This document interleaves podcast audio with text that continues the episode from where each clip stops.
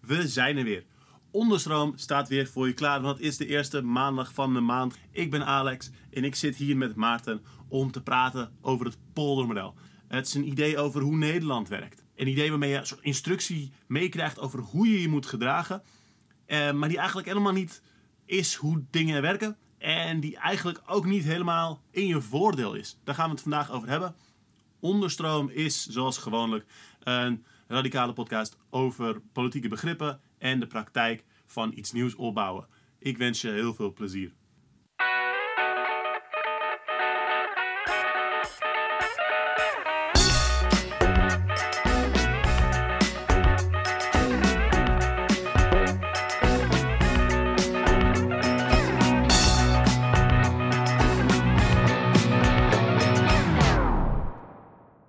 Welkom terug weer. Een nieuwe maand, een nieuwe aflevering. Ik ben hier met Maarten. En Maarten die gaat mij helpen begrijpen waarom het poldermodel bullshit is. Ehm, je hebt er misschien wel over gehoord. Als een soort... ehm, Een mythe zou ik zeggen. Een Als een mythe. mythe, een verklaring voor waarom in Nederland altijd alles goed gaat. En waarom het hier zo vredig en fijn wonen is. En leven en werken. hoe en waar- komt het toch dat we altijd zo, zo gezellig elkaar rond de tafel weten te vinden... om gewoon met zuiver goede argumenten dan de beste oplossing voor iedereen te vinden? En de, je mag wel eens met de deuren slaan, met de vuist op tafel slaan. Zeggen tegen je baas hoe het echt zit. Maar het moet uiteindelijk altijd wel gezellig blijven. Juist, juist. Het poldermodel. Daar gaan we het vandaag over hebben. Ehm, ik was geïnteresseerd geraakt in dit, in dit onderwerp, want je hoort het natuurlijk altijd op, op school krijg je het mee van oh, er was toen ooit het verdrag van Wassenaar en toen is er iets gedaan en dat laat eigenlijk heel erg zien en heeft er echt bevestigd hoe we altijd met het poldermodel werken in Nederland en dat betekent dat mensen lekker rond de tafel gaan. Het is een heel verhaal en je krijgt het mee op school en het, het, het klopt gewoon in heel veel opzichten niet en er, er wringt heel veel aan. En het voelt ook alsof het je iets voorhoudt dat ons eigenlijk tegenhoudt op een bepaalde manier. En daarom wou ik er heel graag iets over doen. Eh, dus ik ben heel blij dat jij erover wou vertellen. Voordat we daarmee beginnen, wil je even kort iets zeggen over wie ben je? Wat heb je met het poldermodel? Wat ik met het poldermodel heb, is namelijk er- ervaring ermee. Zoals ik ooit tegen een eh, vriendin van mij, die met eh, de ijdele moed der wanhoop erin is gegaan. En dacht, ja, we kunnen via een poldermodel verandering bewerkstelligen in Nederland. Ik op een gegeven moment een hele cynische bui heb geantwoord. Als je door de polder gaat, verlies je. En daar is ze later nog wel eens op teruggekomen van, je hebt gelijk gekregen. Ja, Eh, ja. Dat is gewoon verschrikkelijk. En het ergste is vooral dat je ziet mensen die eh goede idealen hebben, goede ideeën, eh, daarvoor worden uitgenodigd. Je wordt opeens, nou, je wordt belangrijk gevonden ook. Je krijgt, je wordt gefeteerd op, op iedere manier. Je, wordt, je krijgt een plek aan tafel met mensen waar je mee mag praten, die jou serieus nemen. En dan word je in gesocialiseerd. En uiteindelijk sta je met lege handen en vraag je, wat heb ik nou eigenlijk gedaan? En er is een grote kans dat je een burn-out hebt opgelopen. Omdat je veel te werk op de hals hebt gehaald. Ja, ja. Nou, duidelijk. Daarnaast ben je best wel begaan ook met geschiedenis en politieke Geschiedenis, geschiedenis. politiek, Ja, precies. eh, sociale bewegingen. Ja, super vet. Super vet. Hoe we het dan vandaag een beetje gaan aanpakken is, we gaan eerst kijken, nou, wat is dan dat idee van het poldermodel? Wat is dat ding? Ehm, waar komt het vandaan? Ten eerste dus het idee dat we het zouden hebben, maar dus ook zeg maar wat, welke sociale ontwikkelingen hebben ertoe geleid dat we de, de huidige situatie hebben van arbeidsverhoudingen. Het poldermodel is een, een idee over hoe arbeidsverhoudingen in elkaar zitten en hoe je je dient te gedragen. Daar komen we nog op terug. Ehm, en dan dus ook daarna, waarom is het slecht om er op die manier naar te kijken? En wat kunnen we dan, hoe kunnen we er wel naar kijken? Naar de arbeidsverhoudingen in Nederland, vooral, maar ook elders. Dus dat is een beetje het overzicht. Ik heb er heel veel zin in. Ik heb er heel veel zin in. Maarten, help ons, help ons uit de brand. Help ons in de brand misschien. Wat, wat is dat poldermodel? Als je mij vraagt ehm, een idee te geven van wat is het poldermodel, dat is het idee dat de Nederlandse samenleving een sociaal lichaam is. En dat klinkt heel abstract. Maar daar wordt mee bedoeld een samenleving is die bestaat uit verschillende delen. Uit werkgevers, werknemers, overheid, belangengroepen. En dat al deze onderdelen samen de Nederlandse samenleving vormen. Dat ze aan een tafel moeten komen te zitten. Of in ieder geval representanten van die groepen aan de tafel komen te zitten. en daar een open en eerlijk overleg met een uitwisseling van argumenten tot een ideale inrichting van de samenleving gaan komen. Juist. Dus ehm, dat ding van lekker polderen is dat hele ding van alle partijen komen samen aan tafel en daar komt een soort van een redelijke conclusie uit. Een Dat redelijke conclusie en gebaseerd op we gaan argumenten uitwisselen, we erkennen elkaars belangen, maar we gaan elkaar niet het vel over de oren trekken. Het moet wel een beetje gematigd gaan. Je moet elkaar wat geven en wat nemen. Dat is een idee van, een, ehm, van het poldermodel. En we zien het meest terugkomen natuurlijk in wat dan heet de inrichting van de economie. Ja. Waarbij het voornamelijk de inrichting van de economie. En daarom ook meteen die. waarom het eigenlijk een valse voorstelling is. Omdat het gaat over. opeens wordt het over verdeelvraagstukken. Hmm. Het wordt helemaal niet over. maar wie bezit dan eigenlijk de eigendomsverhoudingen? Wie, wie bezit de productiemiddelen? Daar gaat het helemaal niet over. Het is meer van. wil je een procentje erbij of niet? Eh, hoe snel mag je ontslagen worden? Van gaan we wat meer bescherming, gaan we wat minder bescherming? Waar mag jij je ontslagvergoeding aan besteden? Mag jij dat zelf vrij besteden of moet je dat verplicht aan een cursus besteden? Het gaat over, nou ja, gerommel in de marge. Het verkleint heel erg de, de, de ruimte die je hebt om in te onderhandelen of om over te spreken, omdat het heel erg gaat over nu direct tot compromis komen. Ja, en het is een heel een technocratische invulling van economie dat gewoon draait om afstemmen van schaarse goederen. In een ideale situatie, een allocatie van schaarse goederen als arbeid, kapitaal, grond, productiemiddelen. Terwijl zo'n idee van economie eh, laat, gewoon- laat gewoon heel veel buiten beschouwing. Namelijk, Ja. Want wat, wat is technocratie? ja, vaak zou het gewoon besturen met experts noemen. Ja, ja. Gewoon experts. En dan voornamelijk als het over de economie gaat, zijn het altijd economen die gewoon zeggen: ja, je hebt, gewoon, eh, je hebt nou eenmaal gewoon een markt. Je hebt eh, vraag en aanbod. En ja, dat moet je maar gewoon op elkaar af gaan stemmen.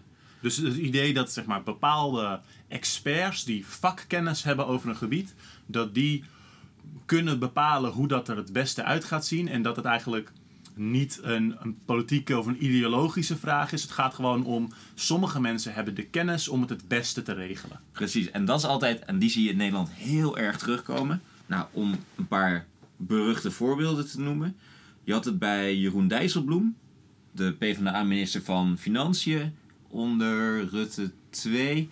Die had het heel erg, ik doe niet aan eh, politiek, ik doe niet aan ideologie. We proberen dit gewoon, de, de eurocrisis, de Griekse schuldencrisis. We proberen dit op zo'n goed mogelijke manier op te lossen. En met ideologie heb ik niks te maken.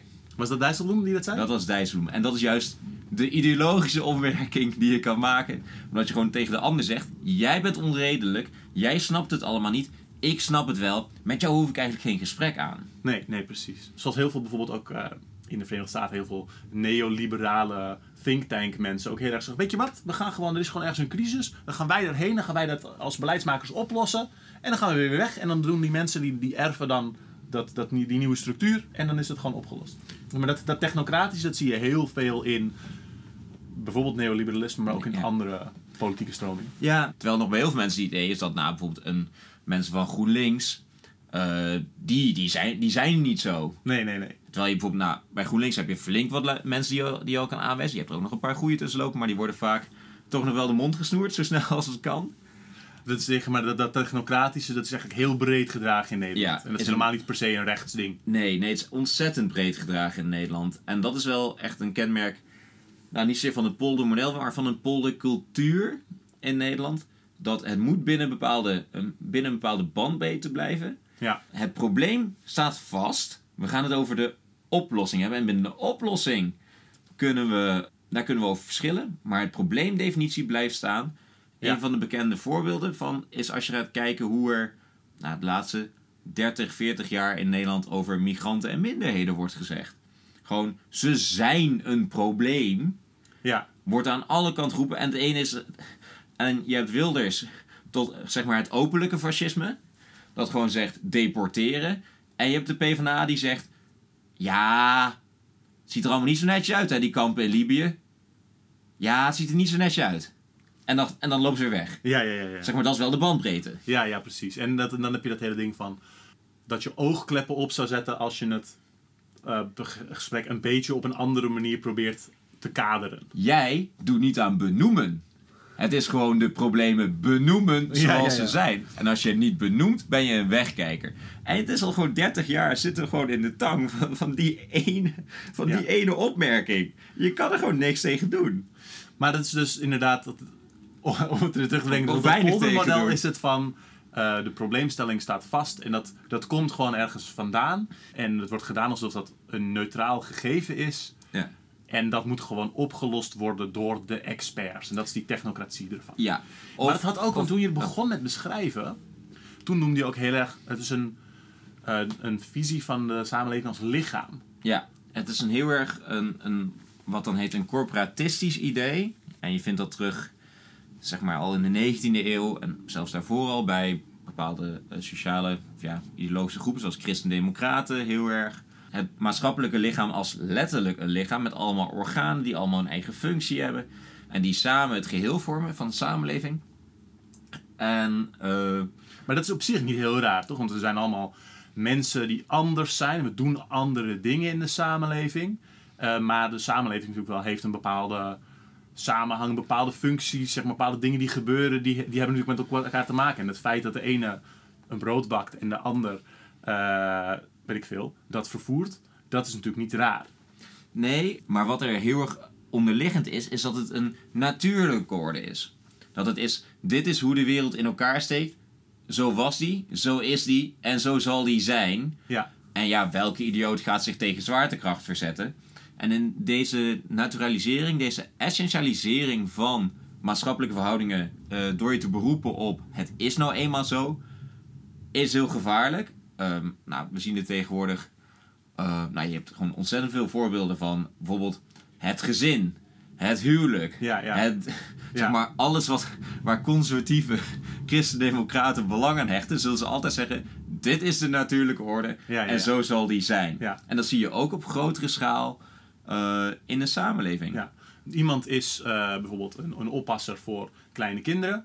Dan is dat wat jij bent. Dat is jouw essentie. Jij hoort daar.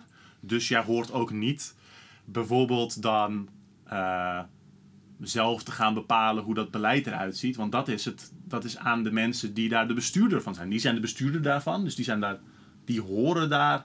Die zijn daar gekomen omdat ze, omdat ze daar de geschikte persoon voor zijn. En dan maak je er heel erg een soort van apolitiek. Aan politiek ding van. Ja, Om, om een voorbeeld te geven, en dat is bijvoorbeeld ook in Nederland poldermodel, eh, of polderland, is dat je bijvoorbeeld, nou je hebt de vakbeweging en de bestuurders of de vertegenwoordigers zitten aan tafel. mhm, Dat is ook altijd het belangrijkste bij aan een poldermodel, aan die overlegtafel. ja, De achterban verdwijnt. De achterban is er niet meer, want er is geen, gewoon geen ruimte aan de tafel. ja, Terwijl waar zit de macht eh, bij linkse progressieve groepen? ja, Zit hem in de massa. ja, Zit hem in de individuele personen. Aan die overlegtafel heb je die macht niet meer. Heb je die kracht niet meer. nee, Dus daarvan word je afgesneden. Dus je wordt in één keer ook gewoon gepacificeerd. ja. Terwijl dus de andere personen aan de tafel, bijvoorbeeld grote bedrijven en overheden, die hebben heel andere machtsbronnen. Klopt. Dus dat is een, dat is een ongelijke voorstelling daarvan. En dat is ook in het beginsel warm, warm eh, nou, om, die op, om op die ene opmerking terug te komen. Als je door de polder gaat, verlies je. Jij wordt afgesneden van je machtsbronnen en je moet, als je daar aan tafel gaat zitten, word jij gedwongen de spelregels van de ander te accepteren. We gaan heel erg hier ook eigenlijk terug op eh, een van onze vroegste afleveringen over cooptatie. Daar zit het heel erg in. Het poldermodel is echt een cooptatiemiddel. Ja, ja ontzettend. Ja, en dus met dat, met dat corporatisme, er zit ook dat, dat ding dus in. We stellen dat heel erg voor als zo hoort het echt. En het is de, de echt goede manier. Zeg maar, de hersenen kunnen niet opeens het, het werk van de handen doen. En, en andersom ook niet. Dus de, de orde is daarin goed. En iemand moet het hoofd zijn. En die is de baas. En eh, als iemand denkt van nou, dat is niet goed. Dan is die eigenlijk tegen het eigen lichaam aan het werken. Dus een soort, een soort gezwel, een soort kanker, een Ja. soort ziekte. Dat zit er heel erg in. Klopt. Klopt. En dat is wel grappig omdat je net dat ene woord aanstipt waar het dan heel erg bij dat corporatistische denken over gaat. Het gaat over orde. Het gaat over inrichting van de samenleving. En dat alles groepen of mensen die niet willen meewerken aan deze specifieke vorm van de inrichting van de samenleving, moet je er buiten plaatsen of bestrijden, want zij bedreigen de, de, de algehele orde. Ja. Eh, altijd die leuke van... De demonstratie wordt ontbonden op last van de burgemeester. Want dit is in strijd met de openbare orde. Dat je op een gegeven moment dan een heel concrete vraag stelt. Wat is die orde dan? Welke orde heb je het over? Wij zei Rosa Luxemburg. Jouw orde is gebaseerd, gebouwd op marionetten, bajonetten. Ja. Gewoon, dat is jouw orde. Hm. En, Ja. dat, en dat deze orde ook heel erg gaat over ehm, hoe richten we de economie in. Waarbij het weer naar een technocratisch verdelingsvraagstuk gaat. Ja, ja. Even nog, nog concreet, een paar sleutelwoorden bij, bij het poldermodel. Gaan we niet per se verder op in, maar als ze het in het nieuws hebben over de, de overheid en de sociale partners, die spreken samen. Ja. Dan heb je dus die drie, die drie voornaamste partners. En dat zijn dan dus overheid, de vertegenwoordiging van het bedrijf- bedrijfsleven en de vertegenwoordiging van de eh, werkers in de vorm van meestal vakbonden, soms, soms soort andere soort van organisaties. Ehm, en dat zeg maar, dat, dat praten over de sociale partners. Ja. Ehm, daarin zit ook de, de voorstelling dat die gelijkwaardig zijn in, in kracht In het huwelijk. invloed. In het huwelijk. Eh, Gelijke mooi. partners. Ehm, terwijl het in de praktijk helemaal niet zo is. En de, de Ja. vertegenwoordigers van het bedrijfsleven veel meer geld, veel meer invloed hebben, veel positiever in het nieuws komen, veel vaker aan het woord mogen. En gewoon veel meer gedaan krijgen, veel meer macht hebben. Eh, terwijl de werknemersorganisaties al decennia keihard aan het, aan het kelderen zijn, ook in lidmaatschap. Zeker wel deels doordat de vakbonden in Nederland zo weinig invloed en zo weinig slagkracht hebben. Ja. Ehm, waar het poldermodel ook eh, mee te maken zal hebben. Nou, en daarbij komt eh, wat je zegt over aflopende invloed en aflopende zeggenschap, is dat het poldermodel, eh, of in ieder geval zoals het nu bestaat, zoals met de Sociaal-Economische Raad, de Stichting van de Arbeid en nog een paar van dat soort overlegtafels, is in Nederland is sinds de jaren 30 zo ontwikkeld. En ook heel erg gebaseerd op het idee van een industrieel kapitalisme. Met de fabrieksarbeider, zeg maar hoogovens, eh, mensen aan de lopende band. En we zien dat steeds meer verdwijnen. We zien steeds meer mensen met, een met tijdelijk werk. eh, de introductie van vrouwen op de arbeidsmarkt. Veel meer. Vrouwen deden altijd al heel veel, veel, veel vormen van arbeid. Maar dat was vaak onbetaalde arbeid. En die zijn vanaf de jaren 70 veel meer op de arbeidsmarkt gekomen. Bijvoorbeeld in zorg, in onderwijs, horeca. Eh, we zien nu tegenwoordig eh, bijvoorbeeld de, bezorgen, de flitsbezorgdiensten en zo. Mhm. Deze nieuwe vormen van uitbuiting hebben geen plek aan die overlegtafel tot nu toe heel erg. En dus dat is, dat is ook wel grappig, want daar zie je dan ook de hardere botsingen soms terugkomen. Omdat dus die, dat, dat coopterende effect daar nog niet zo Klopt. In, eh, in dat, dat die takken worden daar nog niet in zo in meegenomen eigenlijk. Die zijn er niet in meegenomen. Ja. Ja, interessant. Interessant. Ehm, er zijn een aantal, als je het over het poldermodel hebt, een aantal ontstaansmythes. Eh, de waterschappen en het akkoord van Wassenaar. Kun je iets vertellen van maar, hoe, dat, hoe die verhalen gebruikt worden om het poldermodel te, ja, tot leven te laten komen? Ja, nou om eh, nou, te beginnen bij de waterschappen. Nederlands oudste en nog enige bestaande, of nou oudste bestuursorgaan, zoals dat dan heet. Er wordt heel erg een idee voorgesteld van Nederland, dat ligt onder, de, onder eh, zeeniveau. En daarom gingen mensen, boeren, burgers samenwerken om het water te managen. En je komt al meteen bij het woord managen uit. Het is in ieders belang dat het land niet onder water loopt, dus laten we daar samen aan gaan werken. En dat idee wordt eh, te pas en te onpas weer naar voren geschoven in situaties als er sociaal conflict dreigt. Of eh, bijvoorbeeld in bepaalde economische crisis van we moeten er toch samen uitkomen. Terwijl, eh, nou, grote bedrijven betalen geen belasting in Nederland en die gaan gewoon weg. Ja, En eh, die aandeelhouders boeit het geen ene moer wat er gebeurt. zo samen zijn we niet. Zo samen zijn we niet, maar ze representeren het als we moeten er samen uitkomen. Ja, En daar wordt dan standaard een beroep gedaan op verantwoordelijkheidsgevoel. Ja, om daar, om daar even, een, even een berucht voorbeeld. Wat we, volgens mij was het uit mijn hoofd 2012. Was toen kabinet Rutte 1 viel. Er waren vijf kabinetten of zes kabinetten op rij voortijdig gevallen. Mhm. In 2012 zaten we toen in de economische crisis. Nou, wat betekent die economische crisis? Er was minder werk, mensen werden ontslagen.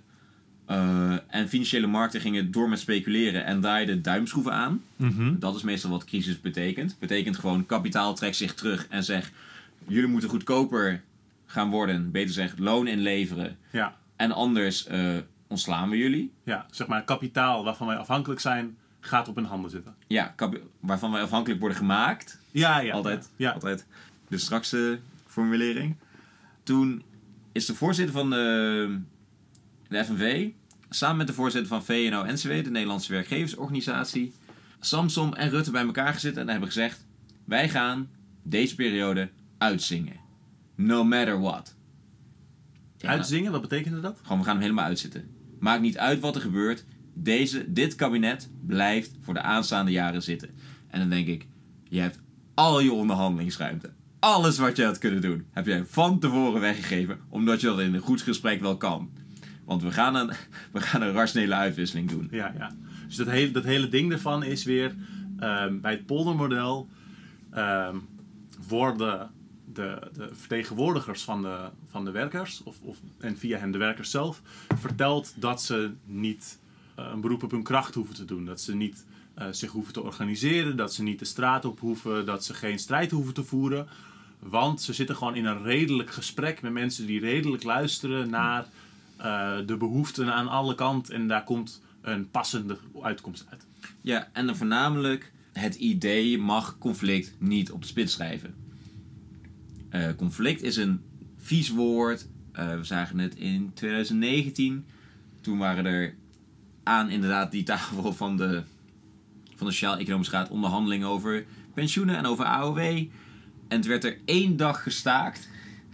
Eh, omdat eh, bij FNV hadden ze gezegd, voor zware beroepen blijft 65 is blijven 60.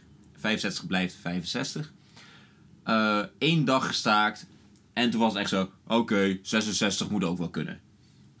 ja, Het was echt zo van, jongen, je maakt jezelf belachelijk. Je Ja. maakt jezelf op iedere manier belachelijk als je dit doet. ja, ja heel en, dan, pijnlijk. en dan het naarste is, en bij zo'n model, bijvoorbeeld, staken is zwaar. Staken is pittig. Je werkt bijvoorbeeld ergens, niet iedereen doet mee bijvoorbeeld met een staking.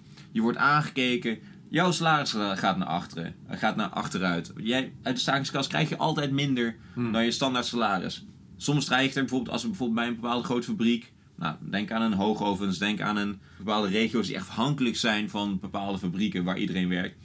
Dat is gewoon een hele, nou, dat is staak gewoon echt heel zwaar. Ja, Wat wordt vergeten. En dan komt er dan iemand van de FNV, die je nou eerst eventjes lekker eh, de boel probeert op te jutten. Soms wel van, eh, geen, baan, geen man gaat de poort uit, et cetera, et cetera. En aan het einde aan de, onderla- aan de onderhandelingstafel gewoon wordt verraden. ja, Gewoon dat, dat is toch gewoon... Ja, ik kan, ik kan er met mijn hoofd niet bij. ja, ja. Maar hoe zwaar dat is. En hoe demotiverend. Maar, oh ja, we gingen even terug naar, naar de... Akkoord van Wassenaar dan. Ja, het akkoord van Wassenaar. Eh, nou, in Nederland heb je gewoon een paar momenten gehad, altijd in tijden van, van grote economische crisis, eh, dat er wordt gezegd, oké, dan komt die mythe van het poldermodel weer naar boven. Het akkoord van Wassenaar was in 1982. Toen is er besloten arbeidstijdverkorting toe te passen, zodat mensen met behoud van salaris, of op inkrimping van salaris, maar met behoud van werk, minder gingen werken. En zodat er dan meer banen bij zouden kunnen komen. En dit was heel erg lang, wordt dit voorgesteld als hier komt het economische succes van Nederland van de jaren 90 en begin jaren 0 vandaan. Ja. Want het akkoord van Wassenaar, dat ken ik nog van school inderdaad. Toen werden ze gezegd, nou, wat is nou het poldermodel?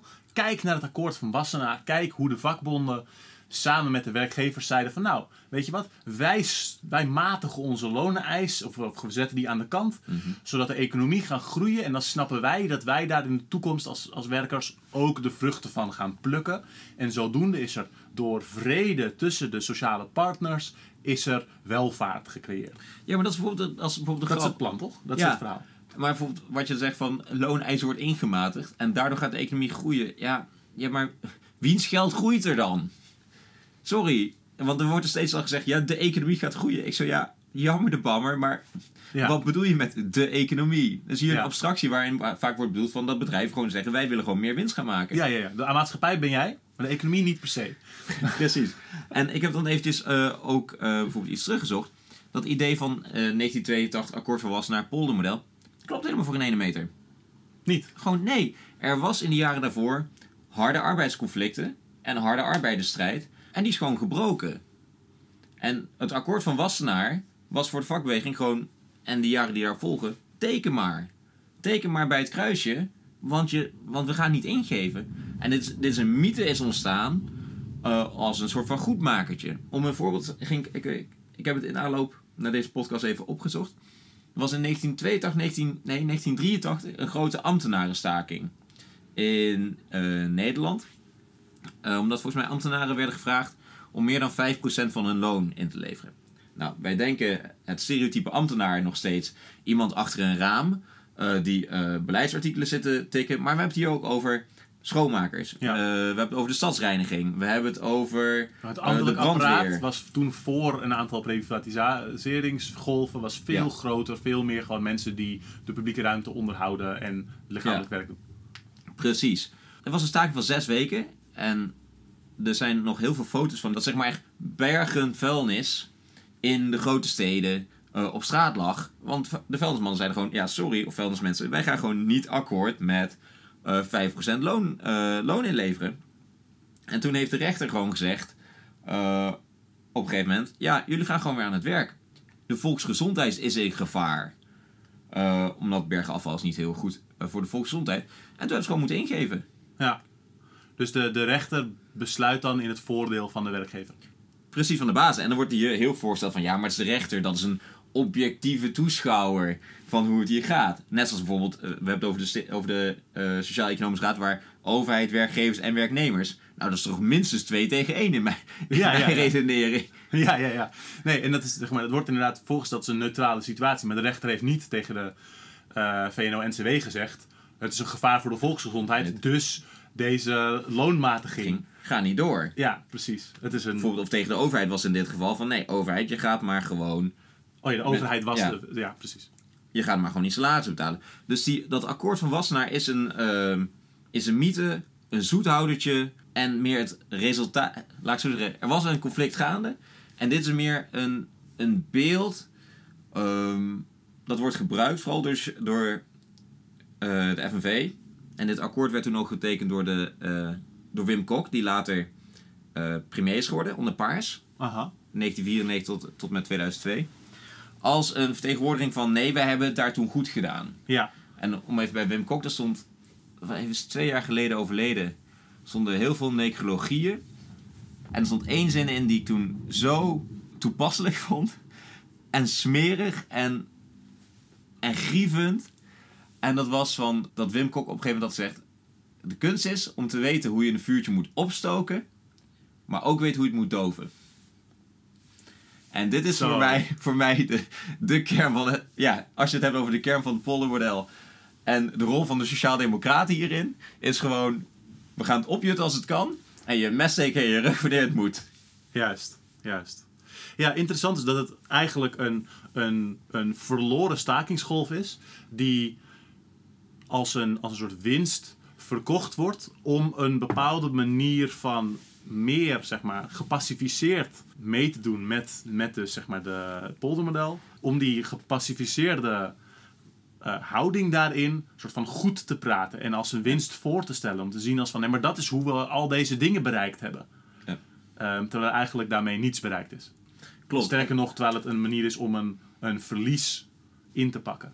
Ja, het is een poldermodel, wat je ook zegt over pacificatie, draait op pacificatie. Omdat het ook inderdaad ook heel gaat. Je hebt de achterban en je hebt de vertegenwoordigers. De vertegenwoordigers gaan praten, die gaan aan tafel.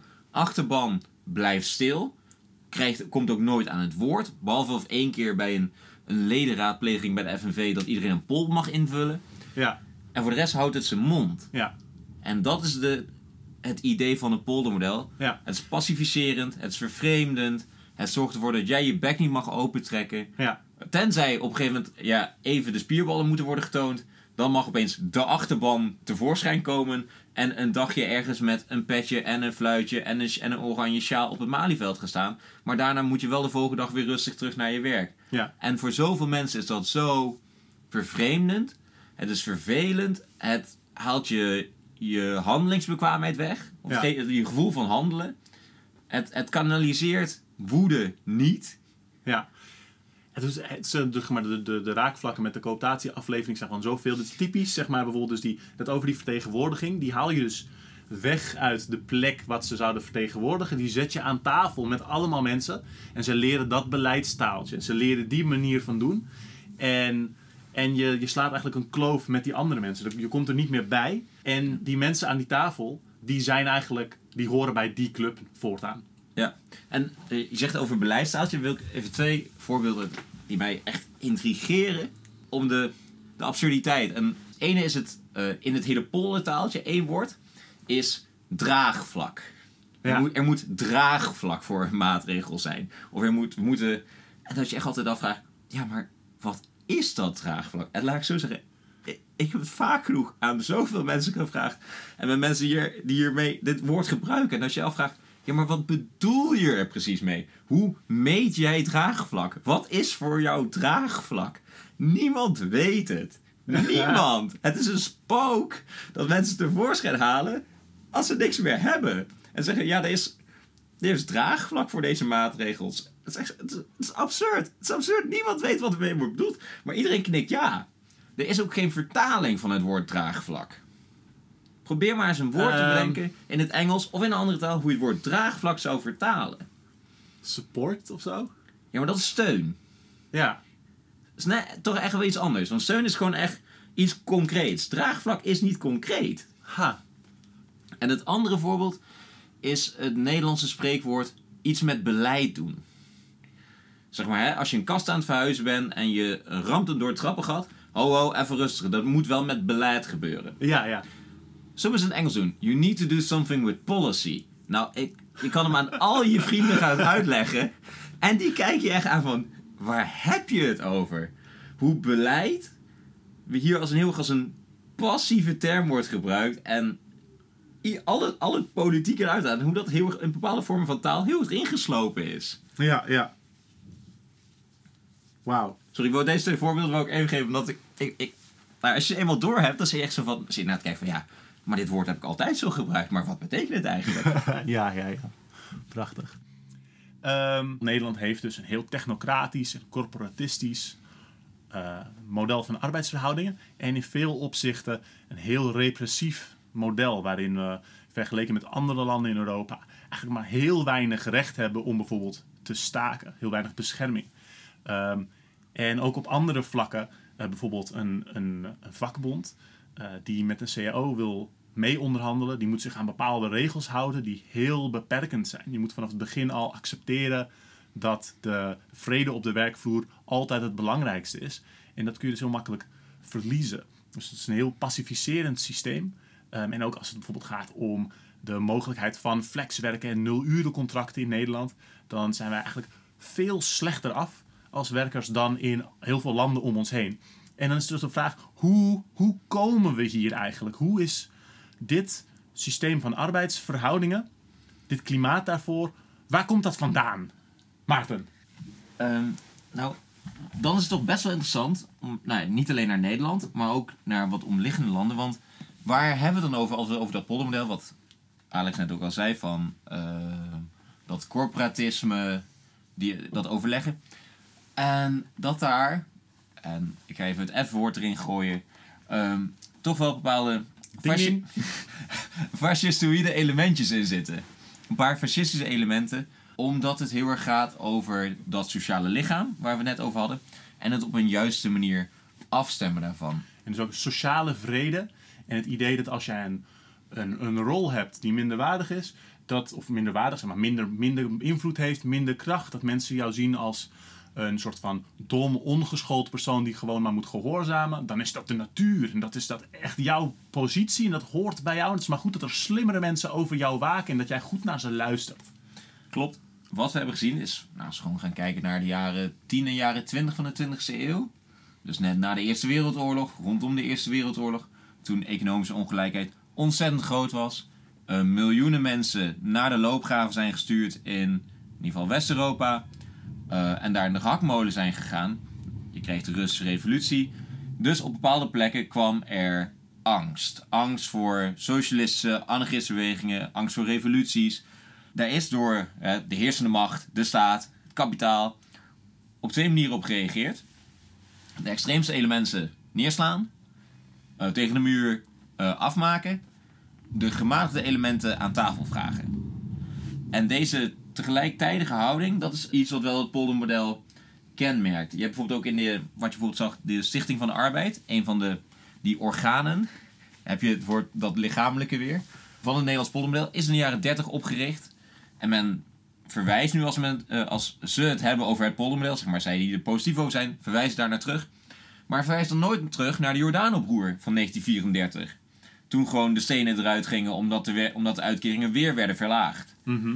Ehm, er zijn heel veel momenten in Nederland van hele heftige arbeidsopstanden geweest, van onrust, ehm, waarbij de tactiek steeds is geweest het uitschakelen van de radicale elementen, het uitnodigen van de pacificerende elementen. En in die zin is het ook een, eh, om een favoriet eigen neologisme van mij voor te stellen, een campagne van libwashing. Eh, Van doen alsof de geschiedenis liberaal is. Het eh, uitwissen van de radicale eleme- elementen en de meer gematigde mensen de liberale cooptatiemolen intrekken. Precies. En een paar van die voorbeelden eh, is ook hoe wij bijvoorbeeld eh, heel erg de geschiedenis hebben geleerd. Is bijvoorbeeld de periode direct na de Tweede Wereldoorlog, vanaf nou, 45 tot aan begin jaren 60. Eh, toen werd de verzorgingsstaat uitgebouwd, toen werd er sociale vrede nagestreefd. Nou, wat die sociale vrede betekende, kan je vragen aan de inwoners van Indonesië, onder andere. Daar zijn een paar honderdduizend doden gevallen door een, in een eh, koloniale oorlog. Is altijd, is al bijvoorbeeld een voorbeeld om goed bij te houden van waar worden de grenzen neergelegd, wie wordt er meegedacht, eh, wie wordt er meegenomen in het denken en wie niet. Kijk in onze eh, aflevering Geschiedenis van Liberalisme, vooral stuk 2. Ja? Ehm, maar je hebt ook bijvoorbeeld, ehm, en dat is iets waar we het net even kort over hadden, de Eenheidsvakcentrale, de vakbond van de eh, Communistische Partij van Nederland, was toen de tijd, vooral eind jaren 40, een hele grote vakbond. 100.000 mensen of zo. En ontzettend goed georganiseerd op scheepswerven, in fabrieken, eh, in de industrie. Die geschiedenis is dus weggevaagd. Die vakbond werd ook aan de kant geschoven. Stakingen werden uiteengeslagen. Omdat men die radicale elementen, die wil men eruit hebben. Die willen niet aan tafel. Die willen, die willen niet meespelen volgens de regels van het poldermodel. En dus die worden aan de kant geslagen. Misschien een voorbeeldje van een klein tien jaar geleden. Rondom invoering van het kraakverbod.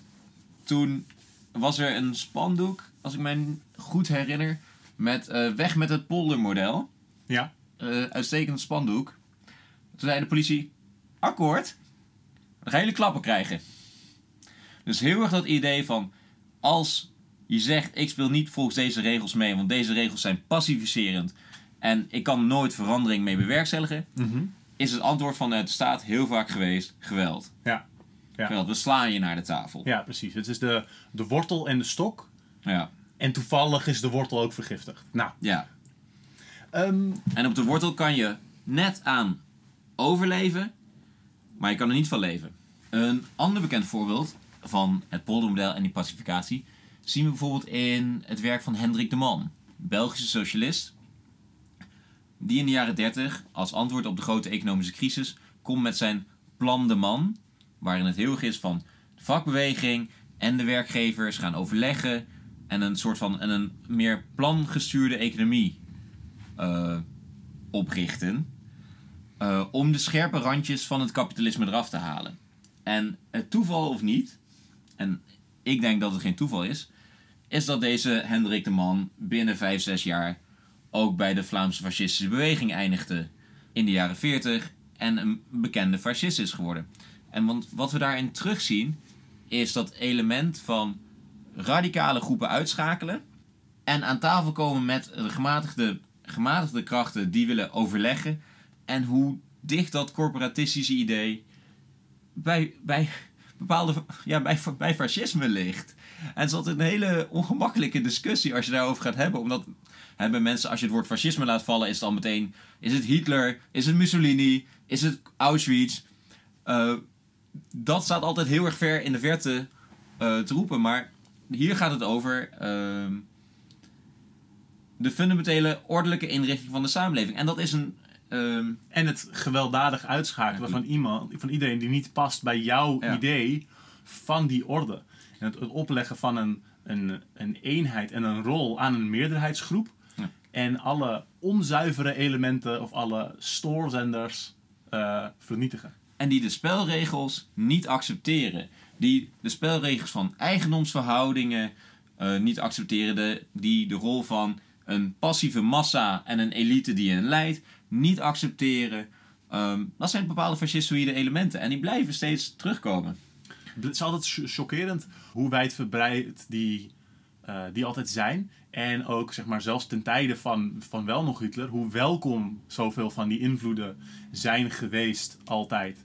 Ehm, daar wil ik eigenlijk wel nog wel eens een keer langer op ingaan. Maar, zeg maar hoe positief Hitler werd ontvangen totdat hij een paar soort van eh, blunders maakte in internationale verhoudingen. ehm, is echt chockerend. Ehm, bijvoorbeeld in Nederland in de jaren 30 bedoel je? Bijvoorbeeld. Oh, de foto's met Bernard en eh, Juliana met een Hitlergroet in de, in de stad Schouwburg in Amsterdam zijn berucht. Ja, ja, ja. En ehm, En daar zien we ook altijd het hele belangrijke element. De kapitalistische orde, als het moet kiezen, of eh, als de keuze wordt voorgeschoten tussen eh, socialisme, anarchisme of fascisme, kiest het altijd voor fascisme. Omdat fascisme de eigendomsverhoudingen niet in twijfel trekt. Nee.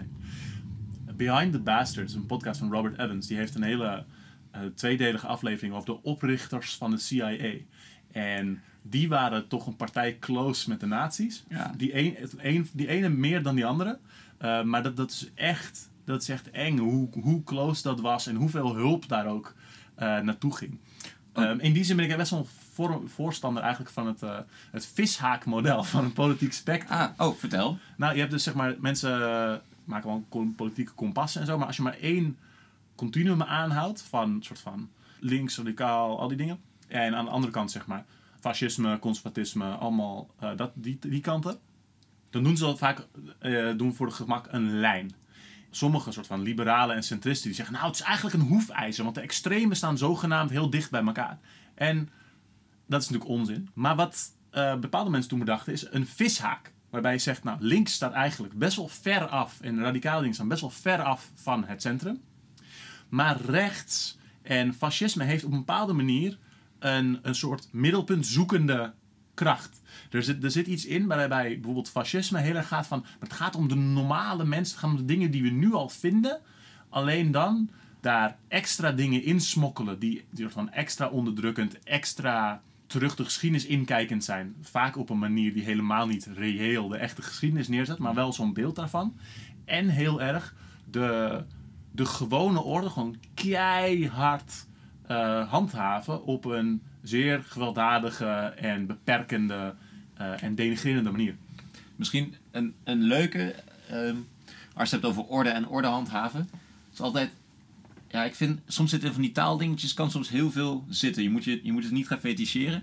Maar bijvoorbeeld in Nederland wordt de politie gezegd, het doet aan orde handhaving. De Ja. politie op, handhaaft de openbare orde. En in het eh, Engels eh, wordt het law enforcement genoemd. Ja, Ze leggen de wet op. In het Nederlands klinkt als een passie, als een slechts een bestaande orde die ze verdedigen. ja, En die wordt aangevallen door kwaadaardige buiten, ja, ja. kwaadaardige elementen. Maar hier wordt heel erg in dat law enforcement gezegd: nee, nee, de politie is juist actief en drukt het neer. Ja. Ja, ik zou enforcement zou ik wel vertalen als soort van bekrachtiging. Dus je zou nog wel zeggen dat, het, dat de orde er is, maar die heeft een soort steuntje nodig. Eh, maar het is wel harder. Het is wel force. Ja, Ja. wat in Nederland, in het Nederlands dat ontbreekt. ja. Maar wat was het plan de man dan? Plan de Man, dat was een eh, lichtelijk socialistische planning van de economie in overleg met sociale partners. Oké, ja. het meer en meer invoeren van een planmodel voor de economie, waarbij de reële bestaande eigendomsverhoudingen niet ter discussie gaan, gesteld gaan worden. Er wordt gezegd, ja, er moet meer belasting betaald worden. Ja, En de overheid gaat actiever ingrijpen bij marktverstoringen of bij eh, ontsporingen. Maar de reële eigendomsverhoudingen gaan niet veranderen. dus het is eigenlijk een, een vrij conservatief model gericht op eh, vrede in de arbeid. Met een iets meer soort van assertieve staat die de markt kan bijsturen voor stabiliteit eigenlijk. Ja, waarbij ook altijd eh, even moet worden opgemerkt dat, en daarom eh, heb je niet zoveel aan van die welvaartsstaatschauvinisten, omdat het idee bijvoorbeeld ook in de verzorgingsstaat heel erg terugkomt. En dus bepaalde groepen mensen het beter gaan krijgen, voornamelijk witte mannelijke arbeiders, gingen het op een gegeven moment beter krijgen. Maar er wordt gezegd, ja, maar er zijn anderen, vrouwen, migranten en andere minderheden, om het zo maar eventjes generaal te noemen, of algemeen te noemen, die wel harder worden onderdrukt.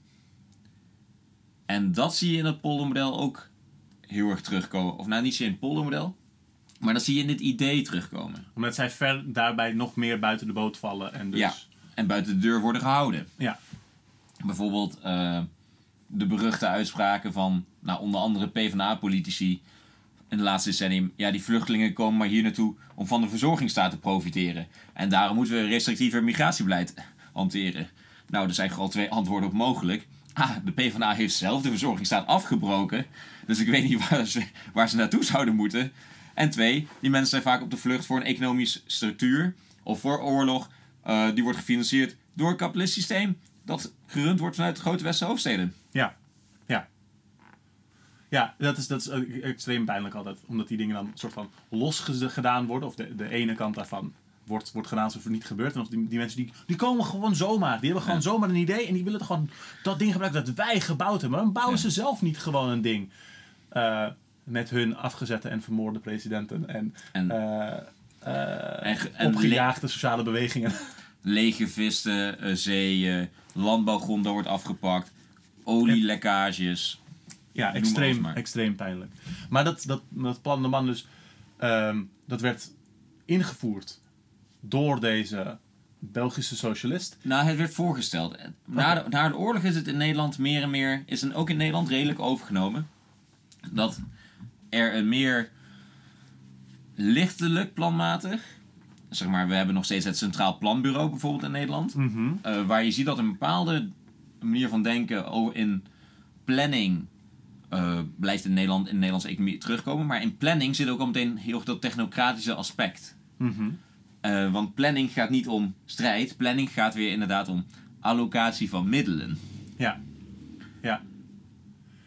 En dat, maar dat is dus grappig, want dat, is dus, dat, dat model is eigenlijk van, eh, vanuit het voorstel in, in België is dat overgewaaid naar Nederland uiteindelijk en eigenlijk nooit weggegaan. Want je herkent heel veel elementen van, het huidige, eh, van de huidige situatie in Nederland, namelijk eh, dat ding met de sociale partners, het bewaren van de vrede, het idee dat je binnen, binnen een beperkter kader met elkaar kunt onderhandelen, maar je heel erg richt op de, op de compromis. Ja. En dat je de radicale dingen buiten de deur probeert te houden. Klopt, klopt. Het poldermodel, zeg maar, we noemen het steeds het poldermodel, omdat het, en dat zie je voornamelijk in de jaren 90, als in, in verschillende landen komen wat wordt genoemd de derde weggers aan de macht. Tony Blair in Groot-Brittannië, Bill Clinton in de Verenigde Staten, Gerhard Schreuder in, Duitsland en Wim Kok in Nederland. En Wim Kok wordt daar een beetje van de derde weg, de Dutch Miracle, zoals dat wordt genoemd. Over hoe gaat het zo fantastisch in Nederland. Terwijl op dat moment bijvoorbeeld eh, wordt besloten dat uitzendbureaus geen vergunningen meer hoeven te hebben. En die verschrikkelijke ontsporing zien we nu dagelijks om ons heen. En voornamelijk ten opzichte van eh, arbeidsmigranten die worden uitgebuit. En worden eh, in beschimmelde kamers van 800, eh, voor 800 euro per maand moeten wonen. Dat wordt opeens een succes. In de New York Times, in Ja. grote kranten wordt opeens gezegd... wat was nou dat Nederlandse idee? En dan wordt, dan wordt er opeens teruggegrepen naar het poldermodel. En het nadeel, of ja, het erge van het woord poldermodel is... is dat het ook zo... Ja, er zit gewoon zo'n lekker, zo'n smerig nationalistisch tintje aan. Het is Ja. echt zo van... Goh, wat, wat doen we het toch goed, hè jongens? Ja, ja. Mentaliteit. Ja, het, het, het is een beetje het klompen- en tulpen-model of zo. Ja, ja en, het, eh, en het past lekker bij, eh, hè, net zoals het gedoogbeleid. Het is zo lekker Nederlands. Het is Lekker rustig. Lekker rustig. We, we gaan niks op de spits drijven. Eh blijft altijd rustig, blijft altijd deftig. Wat zo leuk is in die Nederlanders, dat ze zo gezellig zijn samen. Ja, en dat, en dat zit daar in die kern van het poldermodel. Eh, terwijl in die zin ook het poldermodel eh, is helemaal, of ja, al bepaalde van deze elementen over planmatige bestudering van economie, aan tafel uitnodigen van sociale partners, dat gebeurt ook in andere landen. Alleen in andere landen heb je gewoon, bijvoorbeeld ehm, in Frankrijk, gewoon vakbonden die gewoon gaan zeggen: nee, dat doen we niet. En we gaan niet praten, dan een keertje terugkoppelen en nog een keertje praten. Ze zeggen gewoon: nee, het treinverkeer gaat eerst drie weken plat. En dan gaan we, nog, en dan gaan we misschien een keertje het erover hebben. Ja, ja, ja. Gewoon, je- je gaat niet eerst op argumenten, je hebt eerst kracht. Ja, Je, hebt eerst, je laat eerst je tanden zien en je zegt gewoon: wij willen ja, eh, ja, ja. niet meer werken, wij willen geen hogere werkdruk, wij willen meer vrije tijd. Ja, ja, inderdaad. Als het poldermodel dan zo draait om zeg maar, de, de gekke, extreme dingen buiten de deur houden. En alleen zeg maar, in, aan de marges een beetje, beetje, beetje, beetje bijsleutelen. Waarom zijn er dan in de tijd dat het poldermodel als een idee populair is geweest in Nederland, zeg maar de afgelopen 50, 60 jaar, ehm, waarom zijn er dan zoveel dingen qua zo verzorgingsstaat afgebroken, zoveel verdergaande flexibilisering? Hoe, is dat, hoe past dat dan? Want zeg maar, van rechts zijn er dus best wel radicale dingen doorgevoerd eigenlijk. Zeker. Zo van, niet, dus niet radicaal, maar rechts. ja. Ja, precies. Nee, ehm, hoe dat dan kan. Omdat er waren dan vaak bijvoorbeeld wel bewegingen, arbeidsbewegingen, maar ook eh, andere sociale bewegingen tegen. En eh, die hebben vaak te maken ge- gekregen met repressie. ja.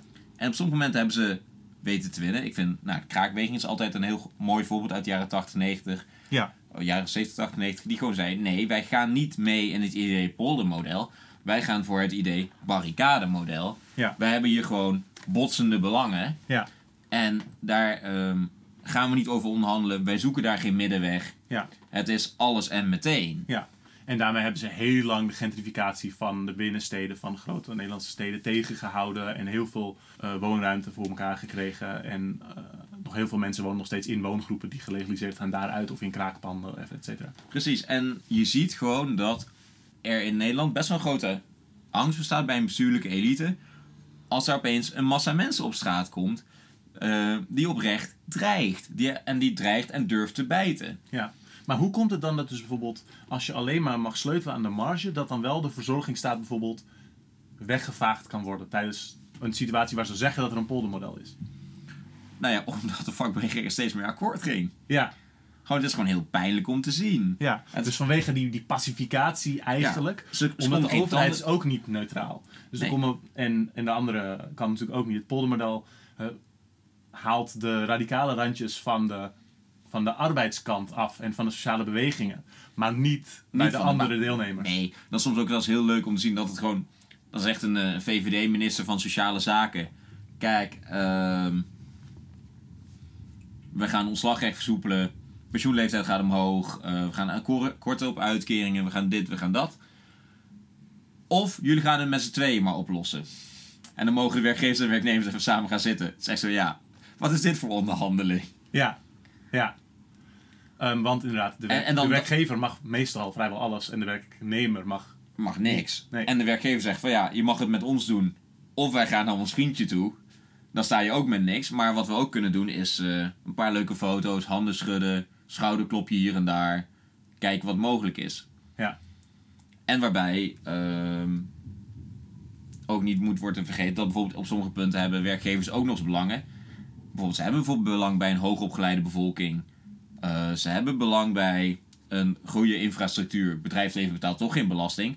Maar als er allemaal meer wegen kunnen worden aangelegd van de loonbelasting van gewone mensen, zijn we daarvoor. Ja, ja, tuurlijk. Dus dan kunnen we die dingen kunnen we verkopen. Als in kijk, we hebben, jullie krijgen, eh, jullie krijgen een eh, ontslagvergoeding mag gebruikt worden voor herscholingsprojecten. Waar wij trouwens hartstikke van gaan profiteren. Maar kijk eens wat jullie hebben gekregen. Ja, ja, mooi van elkaar. Ja, precies.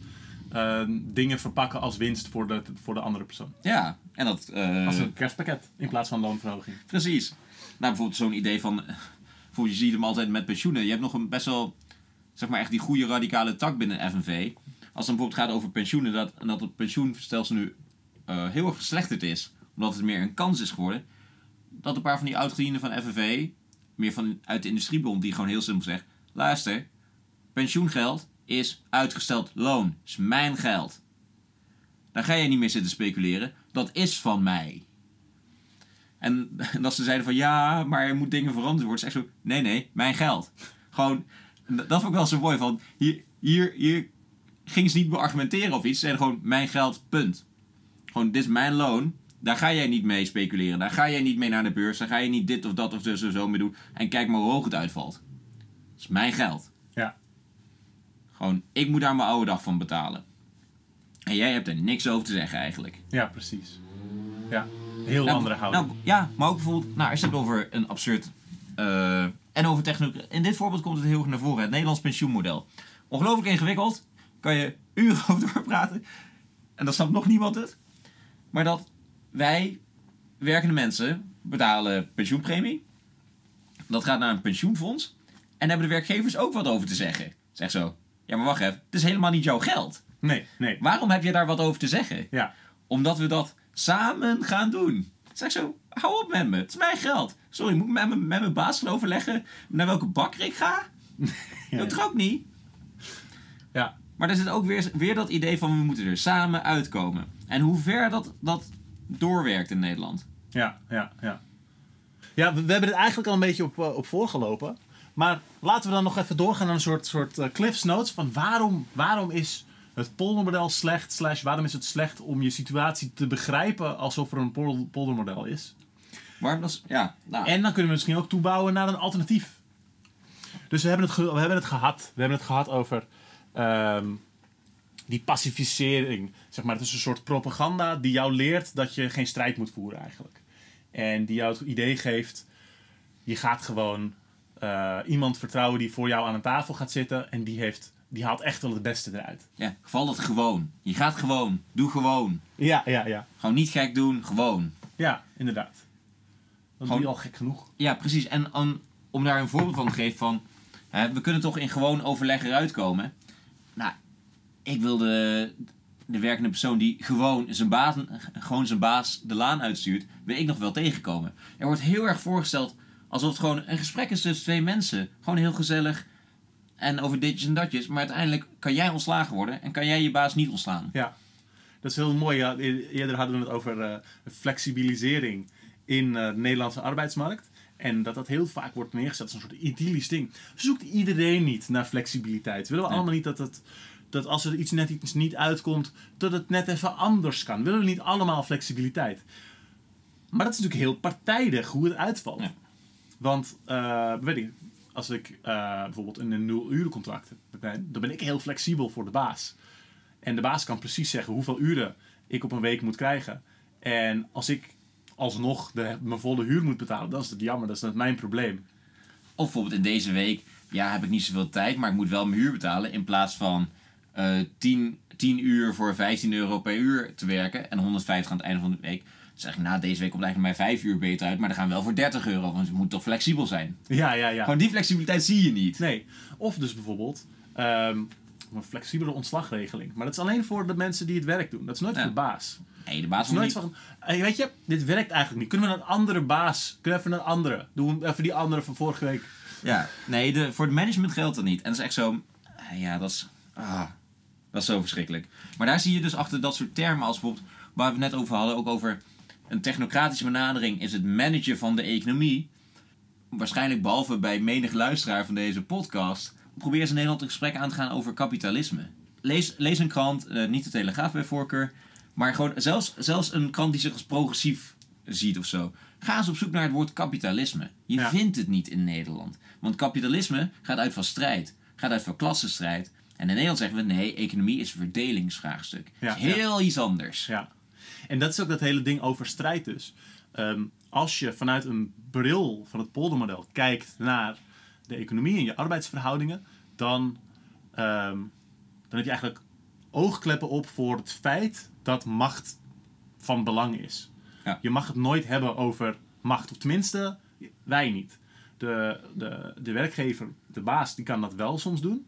Eh, Want die heeft gewoon alles in handen. Maar de, de werkers mogen het nooit hebben over macht. Je hebt oog, oogkleppen op en je gaat het daar niet over hebben. En dus we hebben, een, nou, we hebben een leuk idee. We gaan een argument aandragen bij de sociale partners. We gaan een mooi, mooi idee neerzetten. En dan gaan we dus zien of het vliegt of niet. Ja. En we gaan daar een, een economisch model op loslaten waaruit blijkt dat, nou ja, bijvoorbeeld lagere lonen is goed voor de economische groei. Maar dat mensen bijvoorbeeld een huur niet meer kunnen betalen of hun zorg niet meer kunnen betalen, dat komt gewoon niet in een model voor. Nee. Gewoon, er zitten daar heel duidelijk, zo'n model is nooit neutraal. Ja. Ehm, en daar kan je vooral bij het Centraal Planbureau nog heel veel over vertellen. Dat bijvoorbeeld, dat ze gewoon zeggen, ja, verhoging van de lonen is slecht voor de economie. Het is echt zo, ja, jammer dat het slecht is voor de baas en voor de aandeelhouders. Maar heel veel mensen kunnen daardoor veel beter leven. En dan, dan is er ook zeg maar, een verschil tussen verschillende belangen. Eh, en zeg maar, de meersoorten, de grotere bedrijven zijn dan altijd beter vertegenwoordigd. Zeg maar, zelfs als je een heel matig, eh, centristisch beeld van de economie hebt, waarbij je zegt van nou, wat, wat, wat helpt nou echt om, weet ik veel, allerlei soorten bedrijfjes in het land te helpen groeien, dan is dat bijvoorbeeld vaak consumenten meer geld geven. Want eh, iemand die nu alleen nog maar basisboodschappen en de huur kan betalen, die kan dan opeens ook eens naar de kapper af en toe. Dat is dus goed voor alle kappers. En als ze nog een beetje erbij hebben, dan kunnen ze een keertje naar Duinrel. Dat is dus goed voor zeg maar, binnenlands toerisme, et cetera, et cetera. Ja. Zelfs als je dat belangrijk vindt, is meer loon goed. En nu kom je uit, uit bij klassiek Keynesianisme. Ja, ja, en dat, is, zeg maar, dat is al heel matig, maar daar, daar kom je eigenlijk al niet. Nee. Nee, en dat zegt ook wel heel ver. Want dat klassiek Keynesianisme, zeg maar het idee van loon is voor een baas een uitgave, maar het is ook een potentieel inkomen, want mensen die bij mij werken, die kopen ook producten.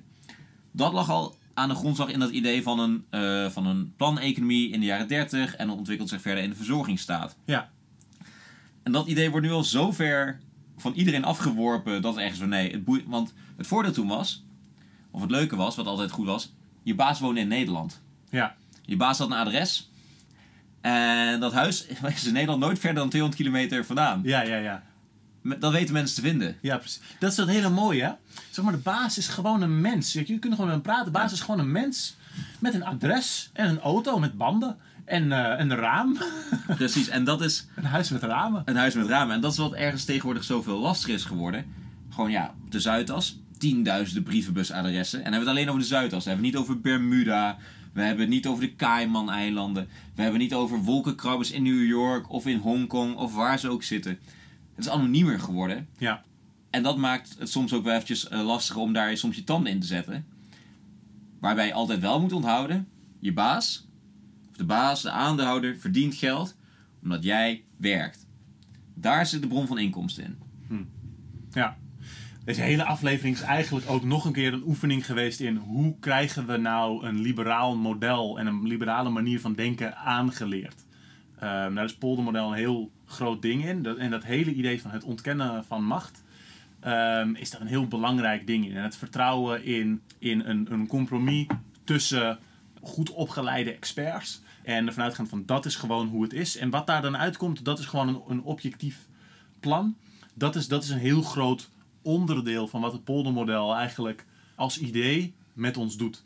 Eh, terwijl het dus ook heel erg een leugen is. Want we hebben gezien dat de, de dingen die de, de werkende mensen en, en zeg maar de, de mensen die indirect van dat, van dat loon eh, afhankelijk zijn, wat hen kracht geeft, dat wordt als een radicaal ding aan de kant gezet. Terwijl de dingen die de overheid en de bedrijven kracht geven, die zijn onveranderlijk, eh, onveranderd, eh, hebben die toegang en die kunnen hun macht uitvoeren. En dat is ook dus hoe we zien dat die pacificerende invloed op de werkers eh, aan de andere kant dus meer macht en initiatief geeft aan bazen en overheden om hun plannen door te trekken en om te verrechten. Ja, het is gewoon heel duidelijk aan linkse bewegingen vragen. Dat waar jij je macht vandaan haalt, moet jij naast je neerleggen. En dan gaan we praten. Ja. Dus wat, we- wat moeten we wel hebben? Hoe moeten we wel kijken naar onze arbeidsverhoudingen? Ik ben eh, toch wel voorstander van een model van eh, conflict en antagonisme. Ja, Gewoon er tegenin gaan. En voornamelijk zeggen, jou, een baas wilt gewoon kosten drukken. Zeg maar, sorry, dat gaat ten koste van mij. ja, Daar gaan we niet over onderhandelen. Ik wil minder tijd, het liefst eigenlijk geen tijd doorbrengen voor een baas. Ik wil niet hoeven produceren voor een markt. Ik wil geen nutteloos werk doen. Ik wil gewoon liever leuke dingen doen met mijn vrienden. En daar moet ik voor strijden. ja, ja. Gewoon, het wordt je niet gegeven. Nee. Nee, macht speelt altijd mee en je moet dat als een. Het is belangrijk om dat als een deel van je, je kijk op je, je werksituatie, je, je inkomen, et cetera, en je politiek te houden. Want die, die macht die is er.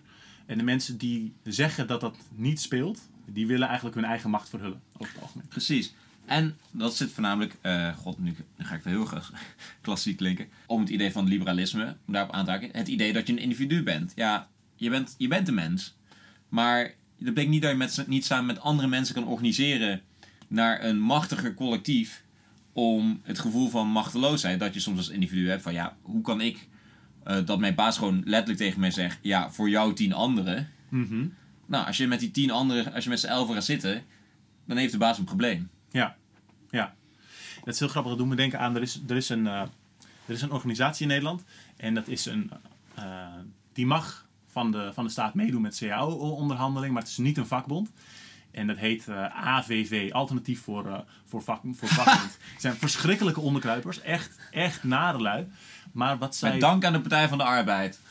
Maar, ehm, maar wat, zij, wat zij dus doen, is heel interessant om dat punt over, over eh, macht eh, en samen kijken wat je, wat je nou eruit kunt slepen. Eh, zij hebben niet heel veel leden, maar wat zij doen is zij gaan dan be- bezig met een, met een CAO-situatie. En zij gaan dan polls doen en een soort van petities onder werkers in de sector waar het om gaat. En op basis van wie er met die poll meedoet, gaan zij dan zeggen, nou dat, is, dat zijn dus de mensen die wij vertegenwoordigen. En op basis van wat zij als individu die een poll invult, denken dat ze kunnen krijgen, of denken dat het mogelijk is, gaan wij dan een gesprek doen. En, en dan gaan wij gewoon CO's ondertekenen. En daar krijgen ze natuurlijk geld voor. Want in Nederland krijgen eh, organisaties die als vakbond gelden, die krijgen geld als ze CO's afsluiten. Ja. Voor hoe meer mensen, hoe beter. Dus het is een heel goed verdienmodel. Maar wat dus het grappige en het extreem pijnlijke hiervan is, is dat zij dus eh, vanuit het heel liberale model zeggen van nou, deze mensen hebben ingesproken, want ze hebben een, een poll ingevuld. En op basis daarvan kunnen wij hen vertegenwoordigen zonder dat zij leden hoeven zijn van een vakbondorganisatie en zonder dat zij een, een contributie van betekenis hoeven te betalen, et cetera. En daar- en daarmee ondergraaf je en ga je compleet voorbij aan het feit dat je als werkers samen een belang hebt om macht op te bouwen, zodat je dingen gedaan kunt krijgen in een situatie waar je constant tegen een baas op aan het boksen bent, die alle minuten van jouw dag wil opslurpen in de vorm van geld. En, en dan ga je compleet aan, aan voorbij. Er is, een, er is een essentieel verschil tussen als enkel geïsoleerd persoon op het internet een poll invullen over wat jij denkt dat je, dat je in een CAO-onderhandeling zou kunnen krijgen. Dat is wezenlijk anders dan daadwerkelijk in een, in een georganiseerde groep zitten en met mensen praten die hier meer ervaring over hebben en samen kijken wat, met hoeveel zijn we eigenlijk? Wat kunnen wij eigenlijk gedaan krijgen? Wat voor macht hebben wij en hoe kunnen wij die gaan gebruiken om daadwerkelijk onze levens te verbeteren en onze eigen leefomgeving in te vullen. Dat is wezenlijk anders. Maar dat verschil niet onderkennen, dat is liberalisme ten top. Doet me dit voorbeeld wat je zo beschrijft, doet me heel erg denken aan. Dat is een documentaire, je kan hem op YouTube vinden. Het gaat over het leven van de Italiaanse filosoof Antonio Negri. Oké, ja. ja, het is eh, vooral bekend uit de jaren 60, 70, 80 met zeg maar echt die radicale linkse beweging in Italië. Ik heb een multitude eh, van hem ver, na, verwezen in een eerdere aflevering. Noem ik een revolutionaire veelheid. Ja. vertaling. En eh, in die documentaire, je kan hem op YouTube vinden, geeft hij op een gegeven moment een voorbeeld volgens mij dat er in een, in een Fiat-fabriek in Noord-Italië, nou daar werken, werkten duizenden en duizenden mensen. Ja. En dat ze of wilden staken of er was een, er was een conflict. En dat de manager van de fabriek eh, dat ze gewoon eh, of weg wilde. Ze wilden gewoon, het was mooi weer, ze wilden naar buiten. Ja. En dat die manager zei, nou dat gaat niet gebeuren. En dat is een fabriek waar dan een paar duizend mensen werken. En dan verdween het eventjes 30 of 40 mensen ergens tussen de lopende band. En dan kwamen ze daarna met z'n veertigen gebivakt bij de manager langs. En zeiden, zullen we nu eens een gesprek gaan hebben? Wow. Wow. En toen? Volgens mij is het goed afgelopen. Oké, Ik denk niet voor de manager. we dagje vrij. Ze hadden een dagje vrij. Wow, ja, maar dat is ook mooi. Bijvoorbeeld, je hebt ook voorbeelden dat ze in, eh, in Spanje of zo, dat er heel veel mensen gewoon naar de supermarkt gaan en gewoon samen, eh, zeg maar, verlaging van de, van de kosten van de boodschappen eisen. Ja. En, eh, en dat lukt gewoon heel vlak. Maar daar zie je dat, dat idee van gewoon, er is een conflict en we gaan hier niet pretenderen dat we hier allebei evenveel zeggenschap in hebben en dat we onze argumenten lekker tegen elkaar kunnen eh, afwegen. Maar zoals nee, we hebben gewoon een belangenconflict hier. Ja. En als wij ons organiseren, kunnen we hier machtiger zijn. Ja, precies. In, eh, in Amsterdam had je ook de traditie van, van bijltjesdag. Dat mensen met bijltjes bij de bazen langs gingen als er, als er iets van een probleem was. Om, eh, om hun belang te verdedigen. Ja, nee, Ja. Dat, soort, dat soort voorbeelden. Dat laat zien dat de kracht niet, eh, vaak gewoon niet ligt in rustig met elkaar onderhandelen. Omdat het vaak is van ja, dat rustig met elkaar praten, dat, om, dat versterkt de, machtige, de machthebber in dit geval. Dat is vaak toch de bezinnen van de eigendomsverhoudingen. Maar dat hoeft niet zo te zijn. Nee. Nee. Die hoeft niet de machtigste te zijn en die hoeft niet, die hoeft niet te blijven. Je hoeft niet Ja. diezelfde verhoudingen te hebben. En zeg maar dit conflict aangaan, wat dan ook vaak het barricademodel wordt genoemd. Gewoon, we gaan er van, ja, je hoeft niet altijd meteen als te barricaderen, maar gewoon het, feit van je hebt gewoon twee kanten van, aan twee zijden van de barricade. De ene kant en de andere kant. Ehm, en daar vanuit politiek bedrijven, in, plaats van politiek bedrijven over hoeveel tijd tussen nu en je graf wil je eigenlijk voor een baas werken. En dat het echt zo ja, wil je de helft van je tijd daarvoor gaan doen? Wil je een derde? Nee, ik wil het gewoon eigenlijk helemaal niet. Nee. Ik wil gewoon van het weer genieten. Ik wil gewoon wat leuks met mijn vrienden gaan doen. Ik wil naar het park. Ja, ja, ja. Barricademodel. Ja, gewoon strijd. Ja, ja, precies. Hartstikke Ja. bedankt. Nou, jij hartstikke bedankt. Hartstikke bedankt. Heb je nog tips voor de, voor de luisteraars of dingen waar je- waarop je je beroept voor verder lezen Ehm, of andere Nou, shout-outs? ik, toevallig lees ik een boek van Margriet van den Berg. En de titel is Werk is geen oplossing. Het is een redelijk eh, dun boek. 160 pagina's, niet super dik. Ik noemde net de Italië in de jaren 60 70. Dat vind ik altijd een heel inspirerend, omdat er gewoon hele radicale voorstellen vandaan kwamen. Eh, ik vind altijd die leus eh, tutti e subito. Gewoon, wat willen we? Alles en meteen.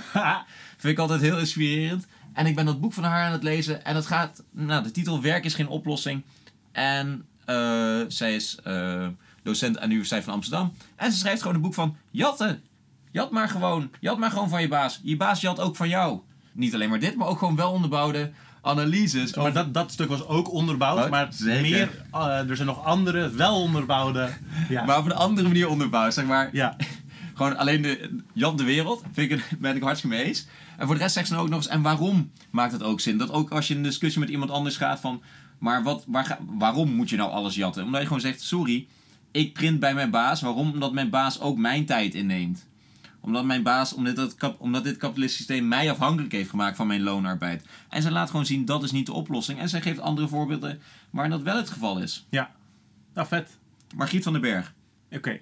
En eh, andere boeken misschien voor, van de voor, voorbereiding van de tekst? Ik ben, eh, als je meer wilt weten over het poldermodel in Nederland en voornamelijk ook het feit dat het een, eh, dat het een leugen is, eh, kan ik altijd de boeken van Dennis Bos aanraden. Eh is een eh anarchistisch historicus. Zijn proefschrift ging over radicaal socialistische bewegingen in de tweede helft van de 19e eeuw.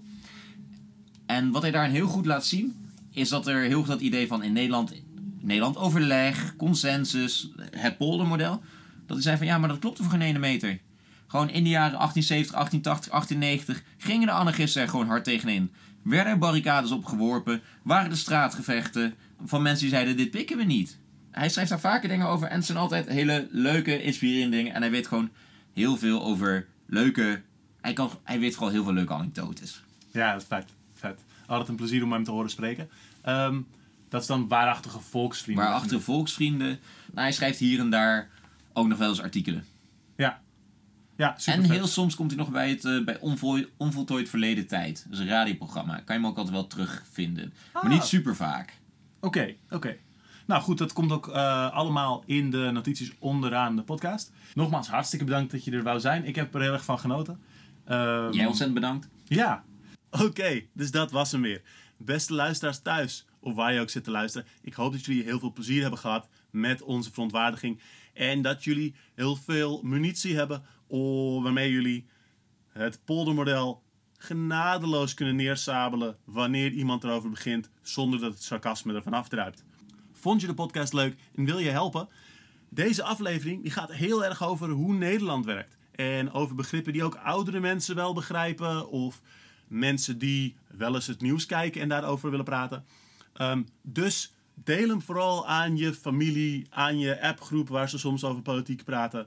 Aan je vrienden of op een forum of zo. De aflevering delen helpt eigenlijk altijd. Laat me ook horen wat je vond. Ik ben gewoon te bereiken op alex.onderstroom.red. Tot volgend jaar.